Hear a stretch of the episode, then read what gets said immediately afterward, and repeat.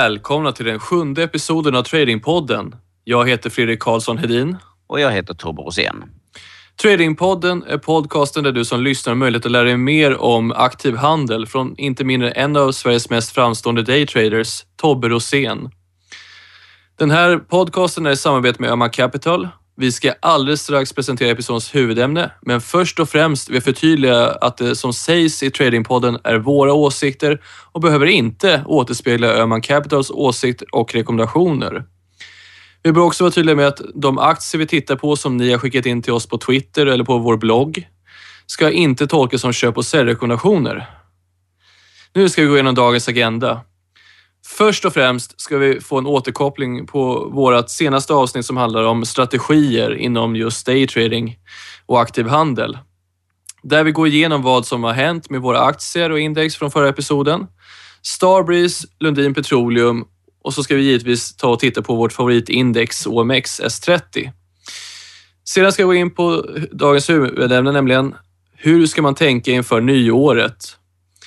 Efter det ska vi titta på Clas Olsson, Opus Group och ge en januariprognos för OMXS30. Sist så ska vi då också svara på lyssnarfrågor som vanligt. Som många av er verkar vilja veta så fanns det faktiskt en fråga som utmärkte sig lite i mängden och den kom från A Andreas på Twitter och han skulle vilja veta mer och få en genomgång av en specifik daytrading eller en tradingstrategi som kan fungera samtidigt som heltidsjobb och gärna få exempel på detta. Och Andreas och övriga lyssnare, vi sitter på svaret på den frågan.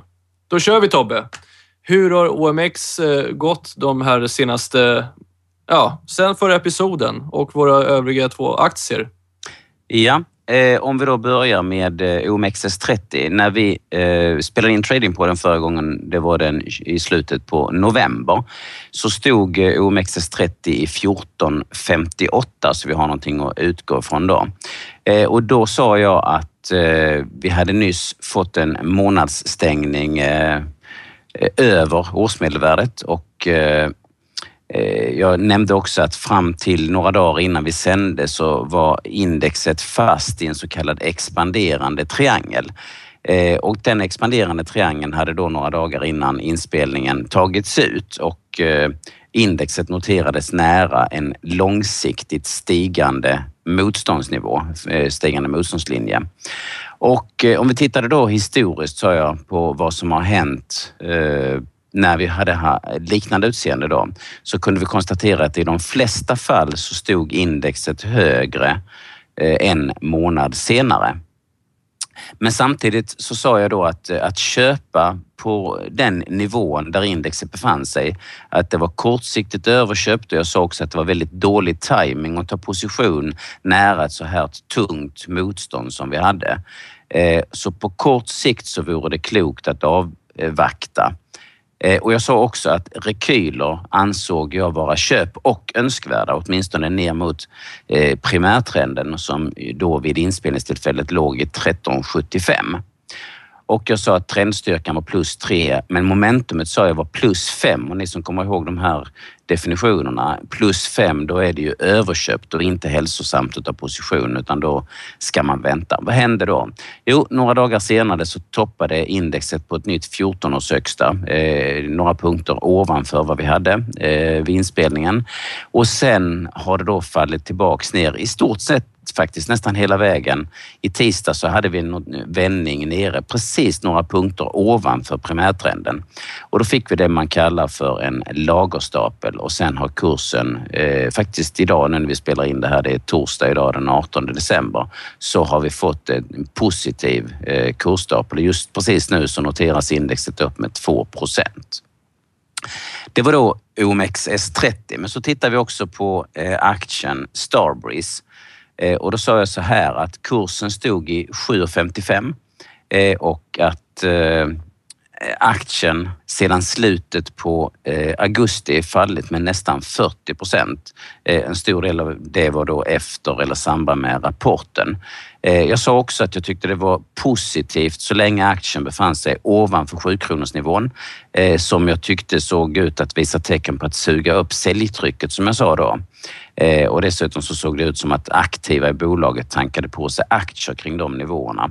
Jag sa också att det var angeläget att 6,50 inte skulle punkteras för då var risken stor att det eh, brakade ner ytterligare då. Och vad har då hänt? Jo, aktien punkterade 7 kronorsnivån och har nu de senaste dagarna varit nere och testat av den här nivån kring 6,50. Jag sa för, förra gången då att trendstyrkan var minus ett, men att det såg ut att stärkas och momentumet var också minus ett och visade tecken på att eh, stärkas, vilket det fortfarande gör. Men samtidigt så är ju trenden eh, på kort och medellång sikt nedåtriktad men är ganska trendlöst på längre sikt. Så för tillfället så ska man nog avvakta och se att helst skulle jag vilja se att primärtrenden här uppe, uppe kring 8 kronor faktiskt tar ut, tas ut innan vi börjar navigera för uppgång. Men som sagt, punktera 6,50 så är det stor risk för att det till och med brakar ner. Eh, om vi då tittar på Lundin Petroleum, eh, så när vi gjorde det senast så stod aktien i 114,50 eh, och då sa jag att det var positivt om, eh, om vi fick se en uppgång upp över 115,30.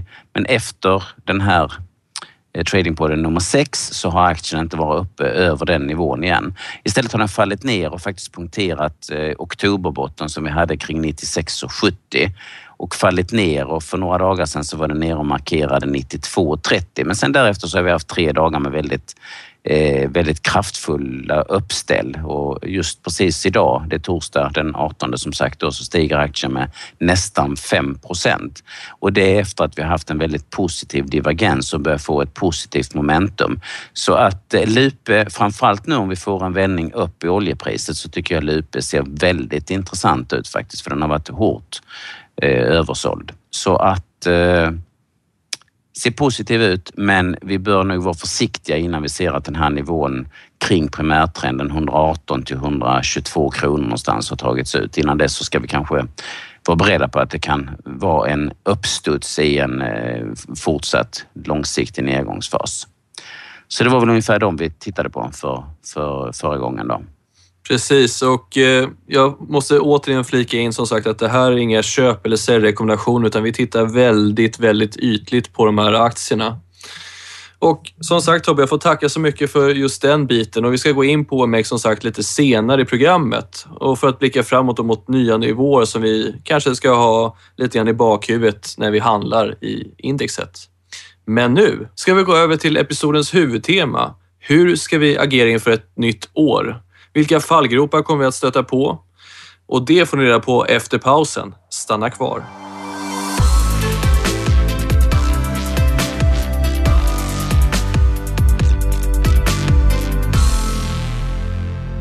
Det finns en hel del regler på aktiemarknaden som inte riktigt sådär försvinner eftersom det fungerar oftare än att det inte fungerar.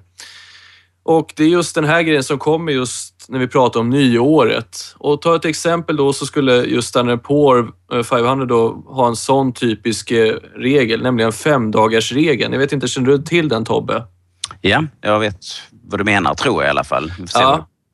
Eh, det är enligt den här regeln då, så femdagarsregeln, så slutar då året positivt på S&P 500 om de första fem handelsdagarna på året stänger det positivt.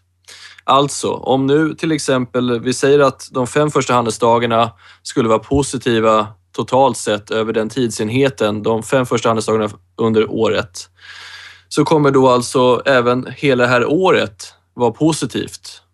Det är den regeln så att säga och detta har fungerat mellan 80 till 90 procent historiskt sett eh, och det fungerade 2013 och jag tror mig att det ska se ut att fungera även i år. Det får vi se. De senaste 39 gångerna marknaden ökade då under de första fem handelsdagarna och stängde dessa då 33 gånger positivt. Så att det är ungefär 84-85 procent som då det har varit en, en bra utdelning på den här regeln. Så håll detta med uppsikt inför nästa år är mitt tips. Eh, vad har du för kommentar om det här Tobbe? Ja, jag tycker det är kul med såna här eh, olika säsongsmönster. Och jag, tittar, jag kan säga att jag tittar väldigt, väldigt mycket på på just eh, säsongs datummönster och eh, cykler, 15-36 dagars cykler. Jag har massa sådana här eh, olika eh, anomalier som jag tittar på då. Till och med kanske på 70 års glidande medelvärde eller vad har du för begränsningar? Nej, jag har, jag har egentligen inga begränsningar. Men det man ska vara lite försiktig med tycker jag när det gäller alla sådana här typer av olika sammanträffanden så ska man ju vara lite, lite grann försiktig med att dra för långtgående slutsatser om man inte har tillräckligt många träffar, alltså datapunkter. Det kan ju, även om man ser att någonting har inträffat en 20, 30, 40 gånger så är det ju totalt sett ganska slumpmässiga, statistiskt sett ganska slumpmässiga eh, händelser. Då. Så man ska, dra, man, ska, man ska alltid vara, ha respekt för marknaden och vara medveten om att det vi pratar om är, det är en sak att titta på historia, men framtiden är något helt annat. Det ska vi vara medvetna om. Helt riktigt Tobbe. Vad brukar du kolla efter då? På nyår? Eh, vad, vad skulle du ge för exempel helt enkelt? Jag skulle vilja säga så här, min absoluta favorit faktiskt, eh, det är att köpa hundar. Då menar jag inte cocker spaniel och sånt där utan eh, man pratar om hundar. Det är de här eh, småbolagsaktier som har tagit allra mest stryk under året. De har en tendens att utvecklas väldigt väl från och med någonstans kring den 17 eh, vilket ju precis passar väl in nu då från den 17 december eh, och någonstans fram till det vi kallar för lilljulafton eller dagen innan julafton så köper man och sen behåller man de här aktierna till den 2 februari. Då får man med sig den eventuella positiva driften i januari som är ofta, som du var inne på, en bra månad och framförallt får man med sig månadsskiftet här kring februari som också är väldigt bra. Så man ska stänga den 2 februari eftersom den 1 februari är oftast en stark dag har med månadseffekten att göra. Eh, man ställer dock vissa krav på de här aktierna. Det ska ju vara de tio som har förlorat mest, men de ska ha en daglig genomsnittlig handelsvolym som är mer än 500 000 kronor och de måste ha ett börsvärde på över 200 miljoner. De brukar titta på och i år så är det följande aktier. Det är Eniro, Seamless Distribution, Cassandra Oil, Africa Oil, Active Biotech, eh, Aerocrine, eh, Enquest, Chamaran Petroleum, Tredoubler och Karolinska Development. Och den kan jag säga, den har jag lyckats bra med flera år i rad. Eh, och Black Earth Farming. Det är de så kallade hundarna i år. Och det här har varit en väldigt bra strategi. 2012 så steg de med 6,7 procent och förra året så gick de upp 9,3 procent. Okej, så det den listan du just nämnde känns egentligen som en årssummering av hur Twitterflödet ser ut i Sverige. ja, ja, exakt. I min, enligt min mening i alla fall. Men eh, det ligger väl säkert någonting i det. Och eh, som sagt, de här aktierna är något ni får titta på själva. Jag kan inte och Tobbe kan inte heller avgöra riktigt eh, hur köpare de är. Absolut. Men eh, titta på dem som sagt. Har du någonting mer i skafferiet Tobbe? Ja, eh, en annan sak är ju att eh, om vi tittar på den genomsnittliga uppgången från, eh, om, om man nu tar generellt OMXS30 då, eh, om man köper det här podden kommer väl ut den 19 tror jag. Eller om man köper närmaste börsdag efter det och behåller till den andra, återigen den, an, den andra januari eller den andra februari. Men om vi då tar en lite kortare trade här på två veckor så kan vi konstatera att om vi hade köpt nu Eh, och behåller till den 2 januari, det är bara två veckors tid då, så har det gett vinst i 75 procent av fallen om vi nu tittar på de senaste 20 åren med de reservationer som jag sa med att det är för få datapunkter och så då. Och den genomsnittliga vinsten hänsyn tagen både till vinst och förlust är faktiskt så bra som 2 procent i snitt då. Då är alla förlusterna och så medräknat. Eh, och sen är det lite eh, det är såna här eh, olika typer av säsongsmönster och sånt så är det många som säger att de två första veckorna i januari är så fantastiskt bra att det är de bästa på året, men det håller jag inte alls med om. Eh, så jag brukar vilja kliva av där eh, rätt så tidigt och sen så avvakta till någonstans i slutet på januari för att komma in på månadseffekten om vi ska spekulera på några veckors sikt. Eh, så om man tittar så är det Även om det är fler år de första två veckorna i januari som har stigit än fallit, det är tror det är 55-56 procent av åren totalt sett som har stigit de första två veckorna. Eh, så är det faktiskt en negativ genomsnittlig avkastning för det har varit ganska många börsstakar som har varit eh, rejält negativa då. Eh, och sen en annan sak, om man tittar historiskt så är det väldigt sällsynt att man har mer än fem år i rad där man har uppgångar de första två veckorna och precis exakt det har vi just nu.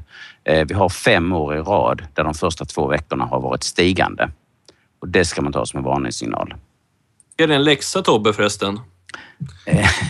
det är, ja, kanske du, du, som har så lite att göra på dagarna menar jag. ja, exakt. exakt. Eh, jo, jag tänkte om du skulle kunna publicera detta i något typ av, eh, antingen ett dokument eller på ett Youtube-klipp någon av de kommande dagarna så att lyssnarna får ha någonting visuellt att se. Det är ju de här listorna jag tänker på främst och ja.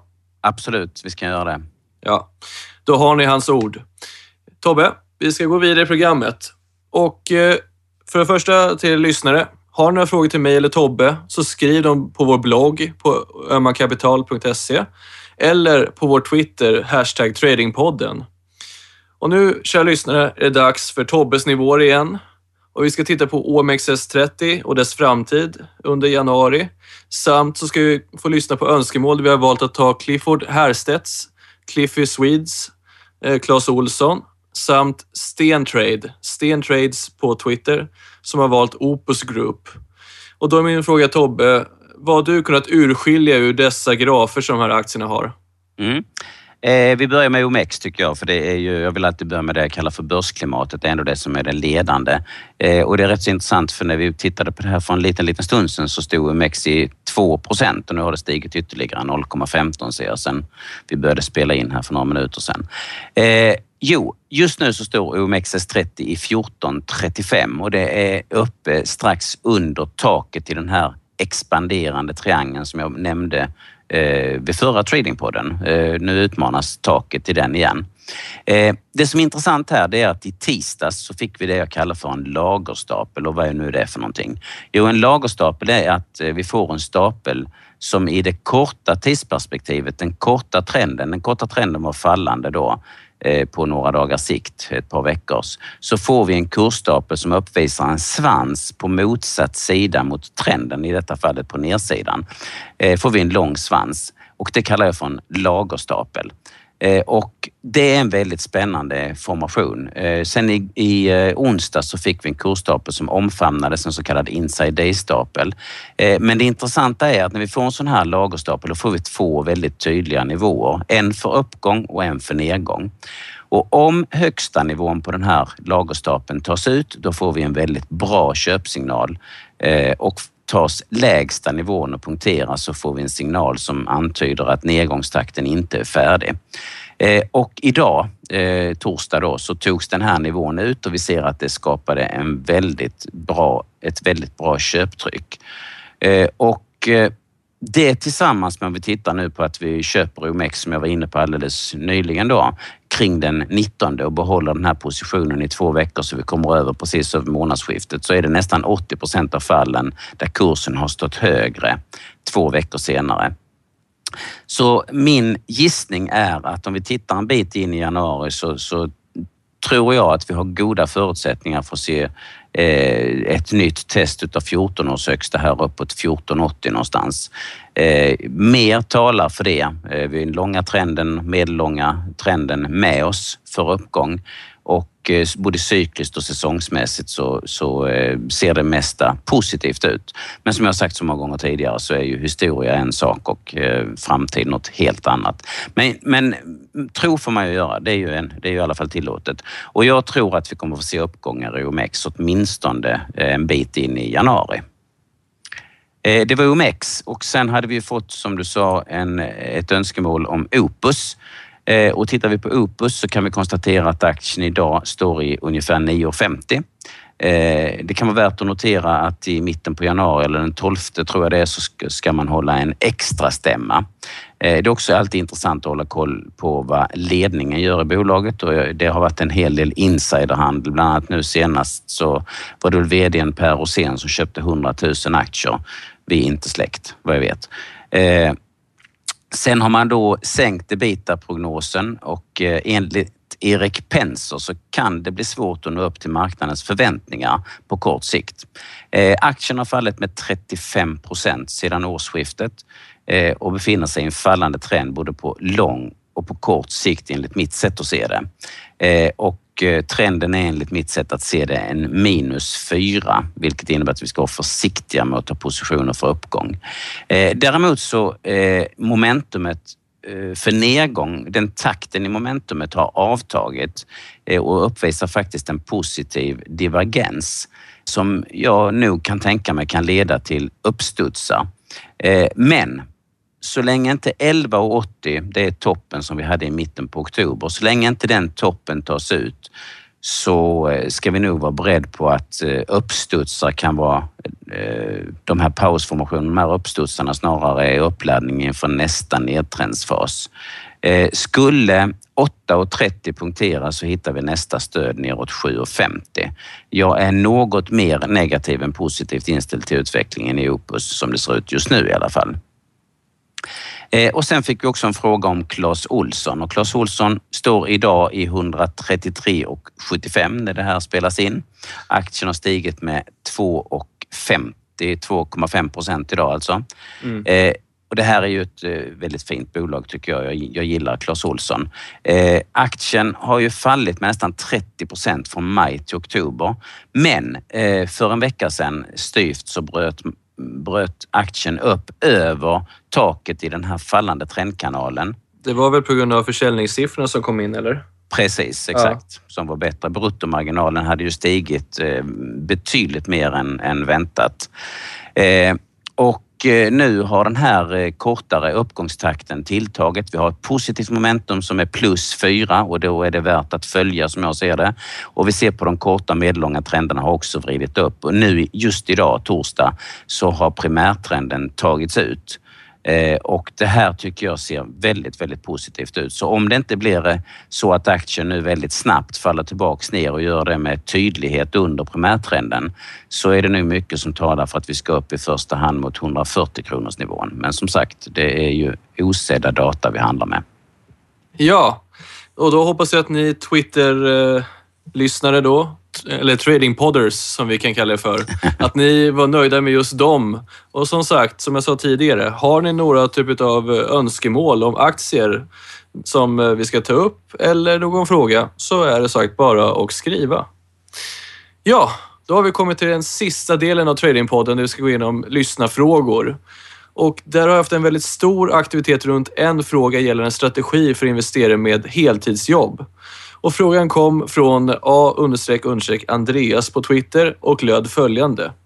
Skulle vilja ha mer genomgång av en specifik tradingstrategi som kan fungera samtidigt som heltidsjobb och gärna få ett exempel hur det fungerar. Och Andreas och övriga lyssnare, vi sitter på svaret och vi är ganska eniga om hur vi ska besvara den. Det leder ju oss lite grann egentligen in på Tobbe gällande det här indexspecialet vi hade för några episoder sedan i alla fall. Mm. Och jag tänkte om du skulle kunna redogöra för våra lyssnare hur vi har tänkt med det här svaret. Ja.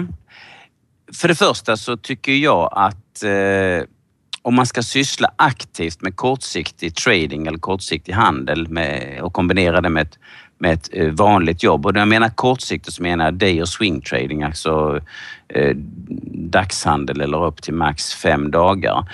Då tycker jag att det är ganska eh, ganska, det är nästan nödvändigt att man eh, kan ha ett system där orderläggningsfunktionen kan automatiseras. Eh, och eh, för grejen är, man kan inte släppa en position med mindre än att man kan lägga in regler för när det är dags att kliva av om saker inte utvecklas som det ska eller om det utvecklas som det ska. Så är det viktigt att man, att man kommer ur på de nivåerna som, som eh, man har tänkt sig. Eh, ett sådant exempel på ett program det är ju till exempel Autostock. Rickard från Autostock var ju med här för ett antal gånger sedan och pratade lite grann om Autostock. Då.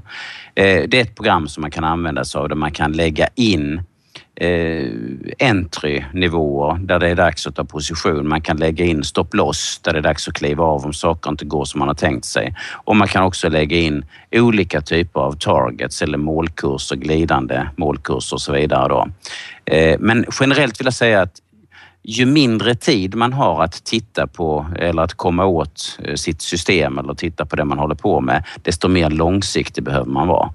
Eh, för att det är lätt att bränna fingrarna om man inte bevakar sina positioner. och Det är lite Murphys lag. Sitter man inte och kan komma åt det, då sker det oftast ganska stora oväntade rörelser. Men visst är det så också att med eh, Outtrader så kan man ju även gå in och göra egna strategier så det blir automatiserat utifrån sin egen tro? Precis. Eh, dels det och det är ju jättebra. Man kan dessutom dra dit en trendlinje och lägga exit eh, så att om det går under en viss trendlinje så man kan lägga en bit under en trend som man tycker sig se då så kan den kliva av. Sen finns det dessutom ett antal färdiga exitstrategier som man kan koppla på och man kan precis som du sa Fredrik så kan man ju även skapa egna strategier så att eh, ett sånt program tycker jag är bra om man nu vill kombinera det med ett vanligt jobb. Precis, och där har vi ju som sagt Öhmans Red Rock till exempel och även eh, som du brukar highlighta mycket, den här Flex. Precis, Flex-certifikat ja. Så det finns en uppsjö av dessa program, eh, eller strategier menar jag, som man skulle kunna titta närmare på. Mm. Annars så generellt sett så är det just att när det kommer till strategier och daytrading överlag så handlar det faktiskt det till en viss del av hur strategin fungerar men också även lite på magkänsla. Ja, det gör det. Och sen, sen nu vill jag absolut inte eh, förta eh, intresset och nöjet genom att låta eh, inte pessimistisk, men jag vill bara samtidigt flagga upp för att man måste komma ihåg att man har koll på... Det är ju så här, jag brukar säga att det krävs två saker för att man ska lyckas med sin trading. Eh, det ena är att du själv måste ha kunskap om, om de strategier som du tänker handla med. Men ännu viktigare är marknaden måste ju vara redo att bli handlad enligt de strategier som du har tänkt att handla den med. Och det innebär att man måste ju ha koll på hur ser börsklimatet ut? Är den högvolatil, lågvolatil? Är det en upp eller nedtrend? Är det jämviktspendling? Befinner vi oss i en upp eller nedtrendsfas? Vad är det för datum? Eh, har det här datumet stor sannolikhet att stiga eller falla? Hur stängde fredagen? Stängde den högt eller lågt? Var det inför ett visst datum på måndagen som brukar ha en viss säsongsmässig utveckling? Var i månaden befinner vi oss? Kan vi gå kort i samband med månadseffekten? Eh, vilka cykler är det? Hur långt har cykeln eh, pågått? Är det högerställt eller vänsterställt? Är det god riskaptit? Vilka sektorer ska handla? Och så vidare och så vidare. Så att det är svårt att säga att den här strategin ska man generellt handla med. Eh, för att man måste, precis som när man meckar med en bil, man kan inte köpa bara en skiftnyckel och tro att den funkar till att göra allting på en racerbil, för det gör den inte, utan man måste ha rätt typ av verktyg beroende på vad man ska göra för någonting. Men det finns vissa enkla strategier som, är, som, som man kan använda sig av. Jag tänkte jag kan gå igenom en om du känner för det. Ja, absolut. Det är en väldigt enkel, bra strategi som, som fungerar eh, i, i de flesta marknader, utom när vi har riktigt starka trender uppåt eller neråt. Och då menar jag starka, men det är ett rejält drag uppåt eller neråt. Då fungerar den inte lika bra. Det gör inga jämviktspendlande strategier som det här då är. Fungerar inte bra när vi befinner oss i starka trender, så att det ska man vara medveten om. Men eh, Torssell, Nilsson och Hellström har skrivit om någonting som de kallar för rikoschett. Och en rikoschett, det är helt enkelt att man får en stängning långt ner i kursstapeln, i de nedre 10 procenten av kursstapeln. Det spelar ingen roll hur lång eller hur stor eller liten kursstapeln är, utan stängning i de nedre 10 procenten. Om man då kombinerar ihop det med att man har en, som jag brukar säga, en extremt hårt spänd gummisnodd. Och gummisnodd är helt enkelt en momentumindikator som heter RSI. Man ställer in den på två perioder. Och när RSI 2 då är inställt eh, med 2 eh, och stänger under 10 samtidigt som vi får en rikoschett Eh, då har vi en bra eh, edge för någon eller några dagars uppgång. Eh, och när man då konstaterar det, om man har ett vanligt jobb, så kanske man konstaterar det på kvällen. Och då borde man ju enligt den här rikoschettstrategin gå in på eh, closen, men det kan man inte göra för den closen har ju redan varit och börsen är ju stängd. Eh, det som är bra att göra då till exempel i autostock eller autotrader det är att man eh, limiterar eh, entryn till exempel 0,1 ATR under closen. Eh, där tar man position. Det innebär att man får ytterligare lite bättre edge. Eh, och sen så bestämmer man sig för att man kliver av exempelvis med en tre dagars exit eller något som jag tycker fungerar ännu bättre, nämligen en ny sju dagars högsta stängning. Eh, och den här kan man läsa och googla på eh, enligt Larry Connors, det han kallar det för double seven, faktiskt en bra strategi. Och sen lägger man en nödstopp som är tre ATR under den entry-nivå som man har gått in på då. Det här är en väldigt enkel strategi. Alltså man har en rikoschettstängning inom nedre 10 procenten. Man har eh, RSI2 noteras under 10. Man kliver då in dagen efter 0,1 ATR under stängningen. Man lägger nödstoppen 3 ATR under exit, eh, äh, entry förlåt. och sen kliver man av så fort man får en ny eh, sju dagars högsta stängning. Det är en strategi som har en hitrate på ungefär 60 procent eh, på OMXS30-aktierna och den ger i genomsnitt 0,8 procent per affär och de flesta affärerna ligger man inne i ungefär två dagar. Så att eh, det, den funkar. Men man ska alltid vara medveten om att, som jag sagt så många gånger, det är eh, en sak att handla med historia och en sak att handla med framtid. Alla strategier kan upphöra att fungera. Det ska man vara beredd på, men det här har fungerat i många, många år så att det har bra förutsättningar att fortsätta fungera. Det är sådana där saker som du ska dela med dig av till mig privat också. Det är liksom inget som du ska bara släppa här och nu. Hur som eh, helst, lyssnare. Det här var som sagt en liten extra grej från Tobbe. Och eh, titta gärna på det. Det är som sagt ingen rekommendation att, eh, som Tobbe sa, att det här är så ett historiskt data som har visat att det har varit lönsamt, men det kan lika gärna vara helt värdelöst imorgon. Det vet vi inte. Men då får jag tacka så mycket för svaret Tobbe. Det var väl genomfört det svaret. Och nu har vi kommit till slutet av denna episod av Tradingpodden. Den här podcasten har producerats av Talos Media och är i samarbete med Öman Capital. Kom ihåg att har ni några frågor till mig eller Tobbe eller någonting annat helt enkelt då som ni vill veta mer om, så skriv till oss på vår Twitter, Tradingpodden, eller på vår blogg på omancapital.se blogg. Vi ses nästa år blir det. Ja, det blir det. ha det bra så länge ni lyssnare och god jul till er allesammans. Tack så mycket. God jul och gott nytt år på allihop. Ha det bra. Hej. Hej.